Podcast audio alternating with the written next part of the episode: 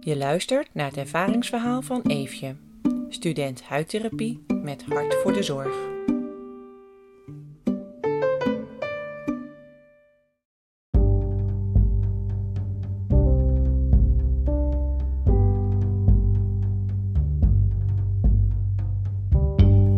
Het is ochtends vroeg en ik ben onderweg naar een huidtherapiepraktijk waar ik een dagje mag meelopen.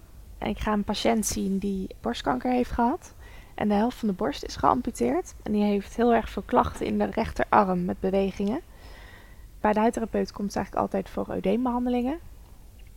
Dus we beginnen met de behandeling en de huidtherapeut komt er zelf eigenlijk niet uit. Dus die heeft gevraagd of de fysiotherapeut even mee mag kijken.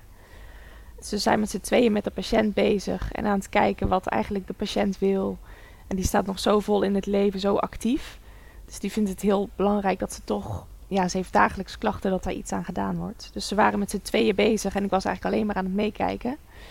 En uiteindelijk kwamen ze dus achter als de borst dicht op het lichaam wordt gedrukt, dat het niet aan de spierplaat trekt, dat dan eigenlijk de klachten in de rechterarm bijna volledig verdwenen waren. Die mevrouw heeft een uh, sport BH geprobeerd en dat scheelde al zoveel. En toen uiteindelijk dacht ik, wat een mooie samenwerking eigenlijk zo tussen twee disciplines. De patiënt heeft maar één afspraak nodig. En ze was zo geholpen dat ik dacht, wat een mooie samenwerking. Ja.